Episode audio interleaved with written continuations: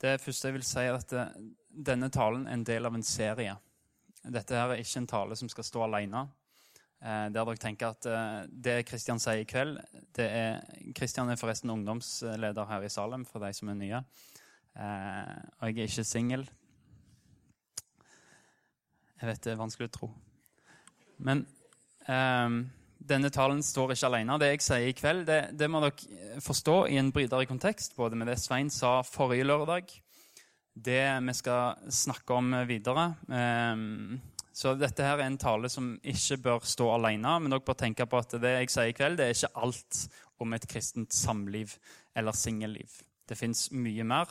Men akkurat i dag handler det om det å være singel. Um, og bare for å si det, Vi skal snakke om sjekking og dating, sånn at dere ikke tror at i kveld så skal jeg komme med alle mine bra tips. Eh, sist gang vi hadde en sånn serie i Salem, så var det Eivind Sæter som talte. Når han talte, så var det seks par som ble i lag kort tid etterpå. og De seks par var gift, og Toffer er en av dem. så eh, gled dere til vi skal ha sjekketalen. Da blir det Nei. Um, men i løpet av den talen her så er det noen få myter jeg vil slå i hjel. Om det var kristne og det var singel. Myter som ikke er uttalt, myter som ikke sier høyt, men vi lever som om det er sant. Er du klar for det? Og få drept noen myter? Første rad klar. Uh, ok, Myte nummer én, hvis vi får det opp, det er at singel er en skjebne. Uh, vi snakker om det å være singel som en skjebne. Det, det, er forferdelig å være singel. Livet er en fiasko hvis du ikke får gifte deg i kristne sammenhenger. Det er sånn vi tenker. Ok, Vi sier det ikke, men vi, vi oppfører oss som om det er sånn. Og kanskje lever vi som om det er sånn at alt handler om å finne en en kan dele livet med. Men det stemmer ikke ifølge Bibelen. Det å være en singel er en gave på lik linje med ekteskapet. Og vi har rett til å velge ulikt. Vi har rett til å velge å være gift. Og vi har rett til å velge å forbli singel. En gave som vi har omtalt sånn at få vil ha den. Men det er en gave å være singel. Det skal vi snakke litt mer om i talen. Paulus han er singel som grus, og han skriver i en kontekt om ekteskapet. Jeg skulle ønske at alle var som meg, men enhver har sin egen nådegave fra Gud. Den ene sånn, den andre slik. Alle har en gave fra Gud, enten å være singel eller å være gift. Ok, Myte nummer to. Singel er nest best. Um, det, det, at det er en myte at det, det, å ikke være gift er nest best. Hvor har vi fått det fra? Hvorfor i all verden godtar vi at det er en del av tankesettet vårt? Vi, en menighet, mest av alle, vi bør slutte å snakke som om det er mindre verdt å være singel enn det å være gift. Å være singel er en sivil status som er like mye verdt som det å være gift. Det er ikke nest best. Det er en gave på lik linje med ekteskapet. Og Det innebærer faktisk folkens, at vi må tenke oss om når vi snakker. Jeg forstår ikke hvordan du kan være singel, du som er så bra. Har du fått den slengt etter deg noen gang? Hva sier du egentlig med den setningen? Du sier at det, det er noe gale med de som er single. Men det er ikke noe gale med deg, så jeg forstår ikke hvorfor du er singel. Det er ikke noe galt med å være singel. Det er ikke sånn at alle som er gode mennesker, blir sammen med noen. Ikke i det hele tatt. Og par, du som er kjæreste, du som er forlova, du som er gift. Måten du snakker om brudekjole, om bleieskift, om barnesete på, måten du hver eneste lørdag foreslår et mannsevne, et koneevne, til dine venner er det en måte som viser at deres status som singel er like mye verdt som din status, eller formidler du at det er best å være gift? Jeg syns ikke det er greit at vi snakker som om det ikke er greit å være singel. Det er faktisk like mye verdt som å være gift. Gud har ikke et A-lag og et B-lag av single og gifte. Alle like elska, alle like ønska i Guds øyne. Neste myte livet begynner når jeg får meg kjæreste. Et av de største hindrene for å tjene Gud, for å gjøre store ting for Gud. Det er vår mentalitet. Vi brenner etter å tjene Jesus. Kjenner du det av og til? Du, du liksom kjenner yes, jeg skal, å, jeg skal bruke gaven min. Bare jeg får meg dame. Så reserverer vi oss, reserverer vi oss til vi, til vi har fått det vi sjøl ønsker oss på plass. Når jeg har fått meg kjæreste, da skal jeg sammen med hun, eller sammen med han skal jeg tjene Gud i det kallet jeg har fått, til bare gå. Jeg skal reise til Burkina Faso. Men sant, så, så, får du deg kjæreste, og så tenker du nei. Åh, når jeg blir forlova, da skal vi begynne å få et bra andaktliv, For da blir det seriøst. Og så blir du forlova, og så bare får du ikke til å spørre Nei, når vi gifter oss, da skal vi begynne å kjenne Gud sammen. Og så gifter dere dere. Og så er det Nei, når vi får barn, og du som vi skal oppdra de gudfryktige da Og så får du barn, og så renner tida fra deg. Og så er det åh, når ungene flytter ut, åh, da skal vi få gang på tjenesten og andagslivet. Og Så flytter ungene ut. så er det liksom, å, det er så Når jeg blir pensjonist og jeg skal sette av hele pensjonisttilværelsen til Gud Skal reise rundt og bare frelse hele Bergen. Og når du er pensjonist, så er det så travelt med barnebarn. Men når du er død, da skal du rette på den gravsteinen òg før du begynner å tjene Gud. Jeg skal si, Akkurat den tankegangen der det er et hinder for oss å tjene Gud. Vi brenner etter å kjenne Jesus, men vi reserverer oss inntil vi har fått det vi sjøl ønsker på plass. Livet begynner ikke når du får deg kjæreste. Ditt kall det venter ikke på at du skal komme i den standen du vil være i. Kallet ditt det kaller på deg nå. Det kan du få tweete. Eh, den nådegaven du har, det blir ikke bedre av at du gifter deg. Den blir bedre av at du bruker den, at du vokser i den. Den nådegaven du har, den blir ikke bedre av at du gir et løfte på alteret.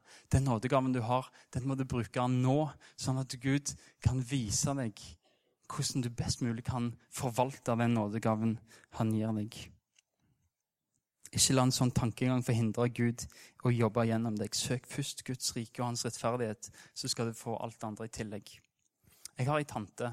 Hun kommer jeg til å henvise litt til i løpet av denne talen. fordi hun, hun er et av mine største forbilder. Eh, når hun var 24 år, så reiste hun ut singel som misjonær til Tanzania for en femårsperiode. Folk sa til henne du kommer til å ødelegge ungdomstida di. Og det de mente, sier hun, det var at du er altfor gammel til å få deg mann når du kommer hjem. Og I tillegg så hadde hun språkvansker, og folk sa til henne på studiet at du må ikke gjøre noe en jobb som gjør at du krever at du må lære et nytt språk, for det kommer ikke du til å greie. I dag har hun vært singel misjonær i 42 år i Tanzania. Og hun jobber som tolk i Norge. Gud har utrusta hun tvers igjennom. Men hør hva hun sier. Sprengkrafta i Kristusformidlinga er nåden. Jeg er fri. Frelsen er en gave for meg og hvert menneske. Tjenesten er av nåde. Med det så, så mener hun ikke av gunstig livsforhold. Tjenesten kommer ikke av at du får deg kjæreste. Tjenesten kommer ikke av at du får deg mann som du skulle ønske, eller dame som du skulle ønske, men tjenesten er av nåde. Og så sier hun Jeg spurte vil du si noe til ungdommer i Salem som er single. Gå ikke glipp av den velsigningen. Det er å dele det viktigste. Om du ikke har våget å starte før, så start nå. Akkurat i dag har du uendelige muligheter til å bli brukt av Gud. Dine ressurser, dine nådegaver, dine relasjoner til å tjene og peke på Jesus. Faktisk så har du ikke bare mulighet til å gjøre det, men du er kalt til å gjøre det. Du har et ansvar for å bruke all den tida og friheten du har som singel, rett. Ikke bare til å dyrke dine egne interesser og behov, men til å tjene Gud og mennesker. Jeg snakker til dere som er single. Ikke vent med å bli brukt av Gud. Dere som er gifte, ikke vent. Eller dere som er sammen, ikke bli vent til dere gifter dere. Dere som er gifte, ikke vent til dere får barn. Gud har gitt dere en nådegave, og han vil dere skal bruke den nå. Hvis du tror på Jesus, så er du ikke lenger din egen sjef. Da er det Jesus som er herre. Paulus skriver i 1. Korinterbrev 6.: Dere har kjøpt og prisen betalt. Bruk da kroppen til Guds ære. Men hvordan bruker du kroppen til Guds ære? Er det endeløse Premier League-lørdager med kamp kvart på to, fire og halv sju og alt prat imellom? Eller er det sesong én og to og tre av Downtown Abbey? Eller er det evig jakt etter den rette? Bruk kroppen til Guds ære. Fordi han har frikjøpt deg. Han har kjøpt deg fri. Og som singel er du fri til å tjene han. Ikke fri til å tjene deg sjøl. En siste myte vi må ta. Hvis jeg finner meg en kjæreste, så blir livet fantastic. Og hvorfor i all verden tenker vi sånn? Innebærer det at livet blir kjipt hvis du ikke får deg en kjæreste. Vi læres opp til disse tankene i Askepott, i alle popsanger og alle romantiske tragedier jeg har sett. Komedier. Men det, det går for det samme. Akkurat det samme. Men å få en kjæreste det er meninga med livet. Det gjør livet fantastisk. De levde lykkelig alle sine dager. Ok, men la meg få si en ting. Hvis du baserer et forhold på at det skal gjøre livet ditt fantastisk, så kommer du aldri til å finne den rette kjæresten. Hvis du baserer ditt forhold på at, det skal, at det, et forhold skal gjøre livet ditt fantastisk, så kommer du aldri til å finne den kjæresten. Spør en som er gift. Det ordner seg ikke med et løfte foran alteret. Du gifter deg med de gode egenskapene dine. Du gifter deg med alle problemene dine. Hvis du har problemer med integritet, så ordner ikke det seg med å love noe til en annen person på alteret. Livet blir ikke enklere når du gifter deg. Livet blir ikke fantastisk. Du er fortsatt en synder. Du har fortsatt utfordringer. Det var de fire mytene jeg bare ville slå i hjel, bare for å få det gjort. Fordi jeg tenker mye av dette er, vi, vi, snakker ikke om det. Vi, vi, sier det ikke sånn, men vi tenker det. Vi oppfører oss sånn. Men det gjør at det blir alt blir mye eh, verre. Det er ikke sannheter om våre liv. Hva sier Bibelen om det å være singel? Jeg finner to tekster. Eh, og Finner du flere, så kom gjerne etterpå og nevn dem, så kan jeg ta dem med neste gang jeg snakker om å være singel. Eh, i begge tilfellene så er det to single menn som uttaler seg. Det er Jesus og Paulus. Og Jesus sier det. Men først snakker han litt om ekteskap. Det må vi bare ha med. Eh, og så etterpå snakke litt om det å være singel. Men vi tar, med det om ekteskap òg, bare for å få inn i konteksten. Eh, det står i Matteus 19. Noen fariseere kom for å sette ham på prøve, og de spurte har en mann lov til å skille seg fra sin hustru av en hvilken som helst grunn. Han svarte, har dere ikke lest at skaperen fra begynnelsen av skapte dem til mann og kvinne og sa, derfor skal mannen forlate sin far og sin mor og holde seg til sin hustru, og de to skal være ett. Så er det ikke lenger to, deres liv er ett. Det, er, det som altså Gud har sammenføyd, skal mennesker ikke skille. De spurte ham, hvorfor har da Moses bestemt at mannen skal gi hustruen, skilsmissebrev, så han kan skille seg fra henne? Han svarte, fordi dere har så harde hjerter, ga Moses dere lov til å skilles fra hustruen. Men fra begynnelsen av var det ikke slik. Jeg sier dere, den som skiller seg fra sin hustru av noen annen grunn enn hor, og gifter seg med en annen, begår ekteskapsbrudd. Disiplene sa da til ham, er det slik mellom mann og kvinne? Er det bedre ikke å gifte seg?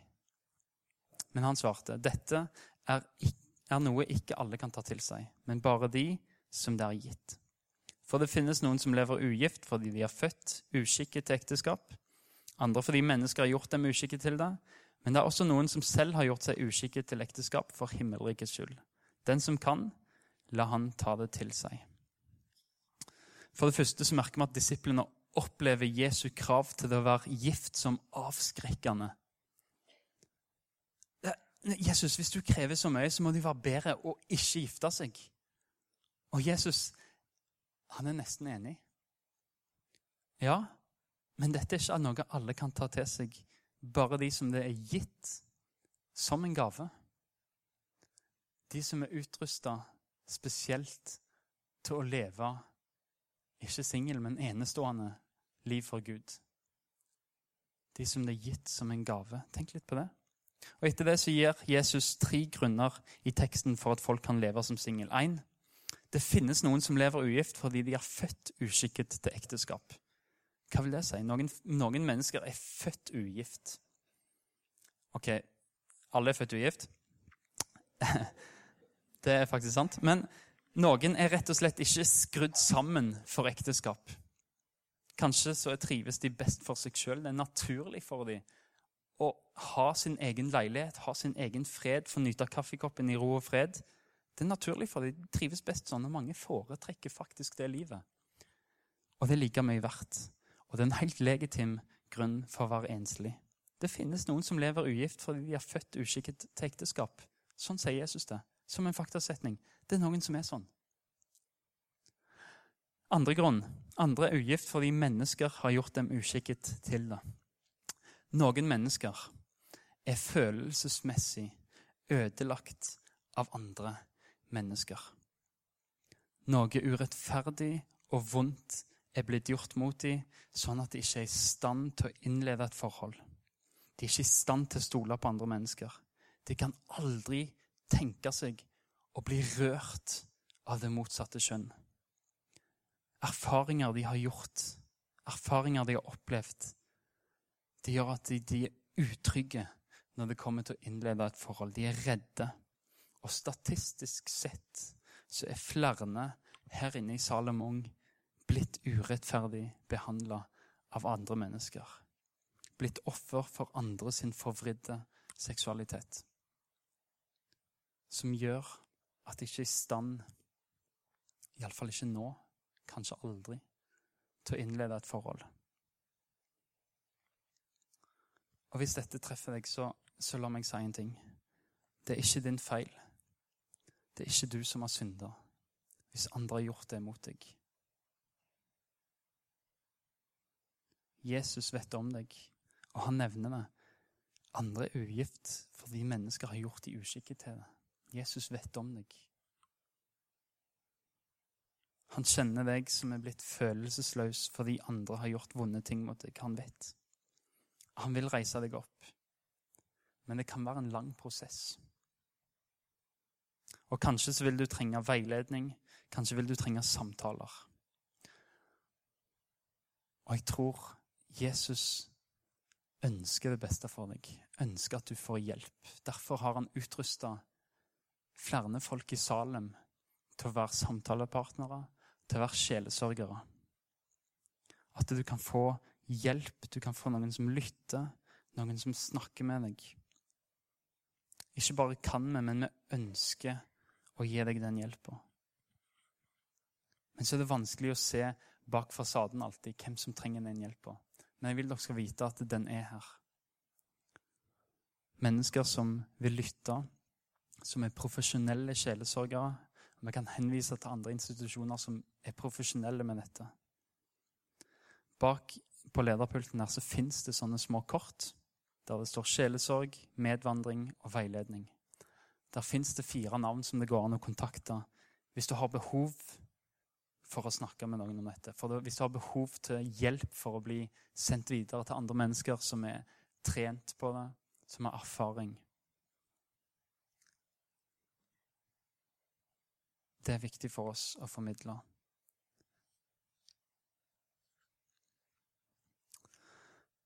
Jesus sier videre det er òg noen som sjøl har gjort seg uskikka til ekteskap for himmelrikets skyld. Den siste gruppa med ugifte det er de som er ugift for Guds rikes skyld. Gjennom historien så finnes det mange misjonærer som har forsaka ekteskap og familie, sånn at de kan være fri til å kjenne Gud på måter som ville vært vanskelige som gift og som far eller mor. Uten single misjonærdamer så ville NLM vært på størrelse så stor, cirka. Single misjonærkvinner og menn de har gjort så utrolig mye for denne organisasjonen. Det er faktisk de som starta NLM. Og Jeg vil dere skal legge merke til Jesus sine ord her. Den som kan, la han ta det til seg. Den som kan, la han ta det til seg. Det er et kall for noen. Den som kan leve ugift for Guds rikes skyld, la han ta det til seg. Paulus sier klart at hans valg var å være ugift. Da kunne han tjene Gud på en mye bedre måte enn å være gift. Tenk hvis han hadde vært gift. Og Han kommer til kona og sier han, du, Eh, jeg ble borte i fem år. Um, men det går sikkert bra. Eh, for Gud har kalt meg. Uh, og så går det noen år, og de lurer på hva i verden har skjedd med pappa, hva har skjedd med mannen min. Og så får de en SMS. 'Kjære familie, uh, det går bra.' Lol.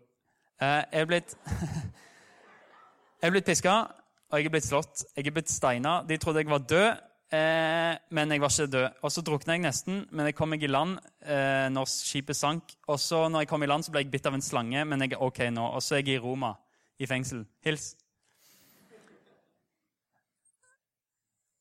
Det er ikke alle som kunne hatt den tjenesten Paulus hadde. En som var gift og som hadde barn, kunne aldri vært den apostelen Paulus var. Igjen så henviser jeg til tante. Forresten, kan dere, eh, tante, Jeg har lov til å sende en sånn podkast til henne. Men kan dere bare, Det er misjonsdama som har vært i 24 år og bygd opp Heidom sykehus. Mange har kanskje vært på praksis der, til meg, men hun har vært med og bygd opp sykepleierskolen der, som gjør at folk kan være i praksis der. Hun har brukt utallige år 42 på det. Så ikke utallige, men 42, tror jeg. Men kanskje dere bare gir henne en applaus?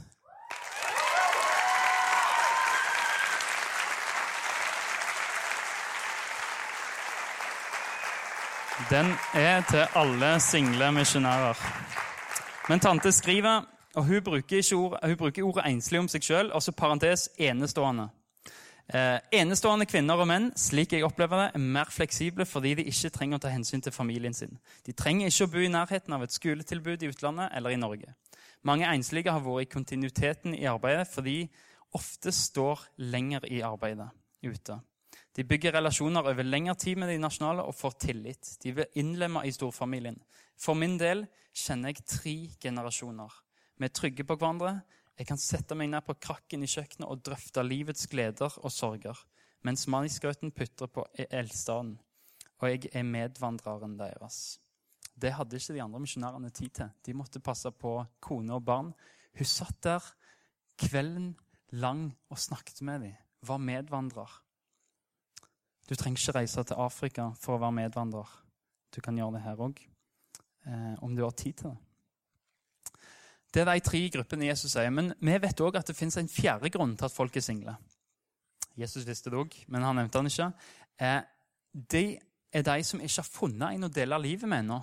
Enten så er det sånn at de som de hadde sjans på, var ikke tiltrekkende, eller så var det sånn at de som var tiltrekkende, ikke hadde sjans på. Er det noen som kjenner seg inn i det? Ingen. Her ordner det seg, vet du. Men de som ikke har funnet en å dele livet med Forresten, kan alle single rekke opp hendene? Alle, alle single jenter, rekke opp hendene. Og så bare hold hendene oppe. Alle single gutter, reis dere opp. Ja, det er flere enn det. Alle single gutter. Og så, bare snur dere litt og bare ser litt sånn. Bare, de som er smarte nå, de tar et mentalt bilde. OK? Da er det gjort. Greit. Da har vi gjort en god gjerning i dag. Eh, men de som ikke har funnet en å dele livet med ennå. Paulus skriver til denne fjerde gruppa. De som kan velge sjøl om de vil være single eller ikke. I 1. Korinterbrev 7. Gå hjem og les det etterpå. Første kor 7. Paulus er klar på at det er bedre å være singel.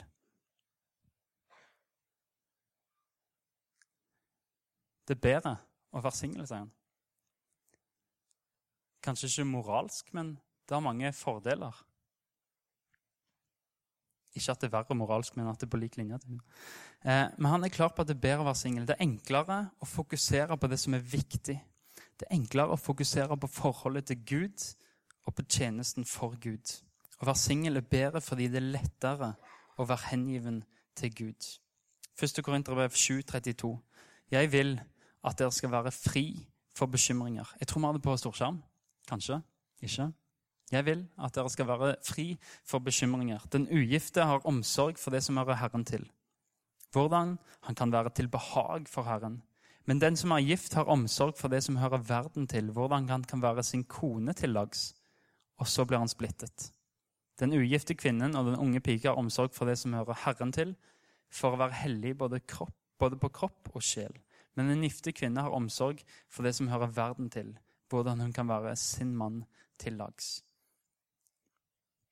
Det er bedre å være singel, sier Paulus. Du får mer tid til Gud. Eh, de som er gifte, de de må planlegge dagen sammen med to stykk. De må planlegge hvordan skal vi gjøre andagslivet sånn og sånn. Passer det opplegget for oss? Passer det opplegget for oss? Eller når kan vi be i lag? Sånn, du som er singel, du kan lese Bibelen og be hele tida. Lucky you. Men det er sant, det er sånn Paulus sier. Du trenger ikke bekymre deg for en til. Når det kommer til forholdet til Gud, så kan du bruke all den tida du vil. Og Paulus han syns det er det mest fantastiske. Han bare sier 'yes, jeg er singel'. Jeg kan bare Gud og meg. Å være singel når du ikke ønsker det, det kan være en tung sak. En enormt ensom sak. Men som sagt så er det å være singel en gave. Ikke det at det å være singel i seg sjøl er en gave, men at evnen til å leve et fullt og tilfredsstillende liv uten ekteskap er en nådegave du kan stole på at Gud vil utruste deg med hvis det er ditt kall. Mening og helhet det trenger du ikke nødvendigvis å finne i et menneskelig relasjon, men i en relasjon med Gud. Dette kan være de singles gave fra Gud. Guds nådegave å utruste deg til å leve et fullt liv med den sivile statusen du har. Jeg har hørt en munk snakke om sølibat. Jeg har hørt en pinsevenn snakke om sølibat. Og begge to sier at 'jeg trenger faktisk ikke sex'. Fordi jeg har så uendelig mye tid sammen med Gud. Og den intimiteten han gir i bønnestunder, den overgår alt jeg kan forvente meg av ei kone. Det kan høres rart ut for folk som kanskje ikke er kristne, men sannheten er at Jesus er bedre det er vel og bra å ha en kjæreste, men det Jesus kan gi deg, det varer evig. Ekteskapet, det er til døden skiller dere av. Tante sier Tante. Det er akkurat som Paulus. liksom. Paulus, Peter og tante. Men på, hun skriver litt om det med utfordringer. På min første plass i Tanzania bodde jeg i enden av familiehuset en sånn rekkehus, og så var det bare familier, og så var det hun. Og så skriver hun jeg hører barnelatter, jeg merka familiefellesskapet, og jeg kjente meg til tider ensom. I ferietider så måtte jeg dra alene, og på andre tider, for hun måtte være igjen og passe stasjonen, mens skoleungene som hadde skoleferie, de fikk reise med foreldrene. Familiene måtte ha ferie når skolen hadde fri. Da traff de mange andre misjonærer. Men gjennom dette var jeg knytta nærmere de nasjonale. De som hun er utsendt til, de som hun er kalt til. Hun ble knytta nærmere deg enn de norske familiene. Og hun ble mer selvstendig av det. Og så skriver hun Gud utruster oss underveis. Det kan oppleves tungt å være enslig, enestående i tjeneste, men Gud utruster underveis. La meg få få snakke litt hardt til tankesettet vårt. Er det egoistisk å tenke at alt eh, handler om at du skal finne deg en å gifte med? Jeg bare spør, Er det egoistisk Er det egoistisk å tenke at denne verden er din historie?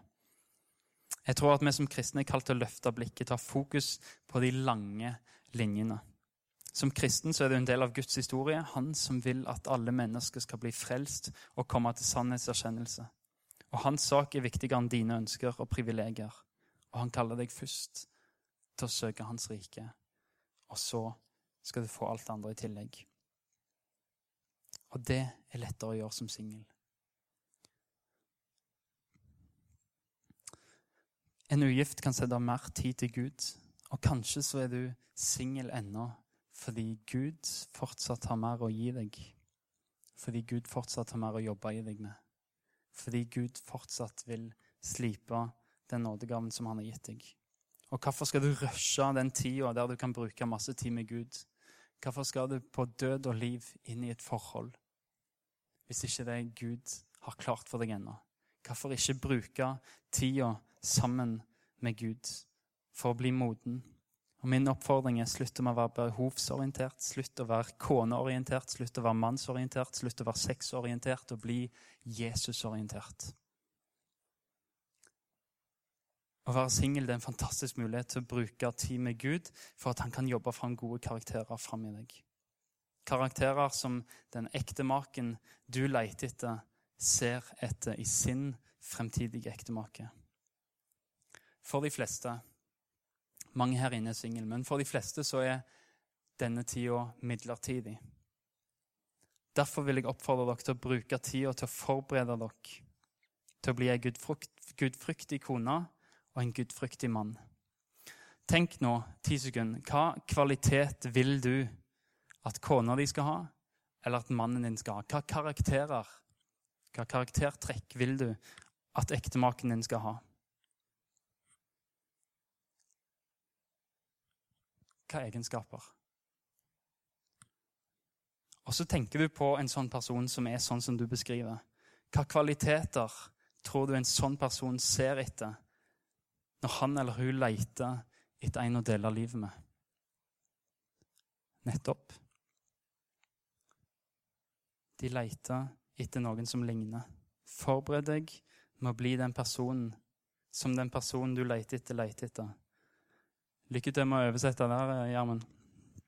Skap integritet gudfryktighet og et bra andaktsliv nå. Fordi Hør nå. Dette skulle jeg ønske noen fortalte meg før jeg fant meg kjæreste. Skap integritet, skap gudfryktighet, skap et bra andagsliv nå. Jobb med nådegaven din nå, for det kommer ikke automatisk når du får deg en kjæreste. Det kommer ikke automatisk når du sier ja med alteret. Å være singel er ikke en holdeplass, det er en del av veien. Enten til å bli en god ektemake eller til det å være heilstøpt singel i Guds rike for Guds tjeneste. Den ene er ikke mer verdt enn den andre. Alt arbeid skal de gjøre helhjertet, for det er Herren og ikke mennesker eller deg selv du tjener, skriver Paulus. Og Jeg står ikke her og sier at alle skal få bli single. Det gjør jeg ikke. Men vi tenker ikke alltid over at singeltida er en del av selve livet. Det er en del av veien vi går for å bli de menneskene vi blir. Singel er ikke en holdeplass. Jeg skal snakke om sjekking, og jeg tror seriøst at Salem er en av de beste plassene du kan finne deg en ektemake. En kristen menighet. Men i dag så var det singel som var tema. Jeg ber ha det i bakhodet at dette er en del av en serie.